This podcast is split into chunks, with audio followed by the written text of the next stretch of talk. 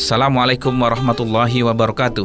Mitra Muslim, saya Samsul Arifin dari Masyarakat Tanpa Riba.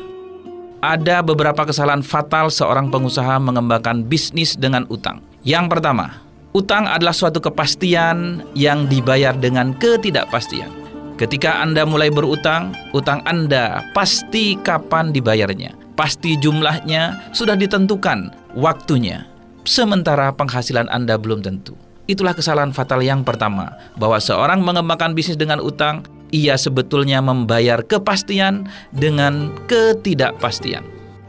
Kesalahan fatal berikutnya seorang pengusaha yang mengembangkan bisnis dengan utang adalah ia optimisme, dia optimis pada sesuatu yang tidak beralasan, optimisme berlebihan.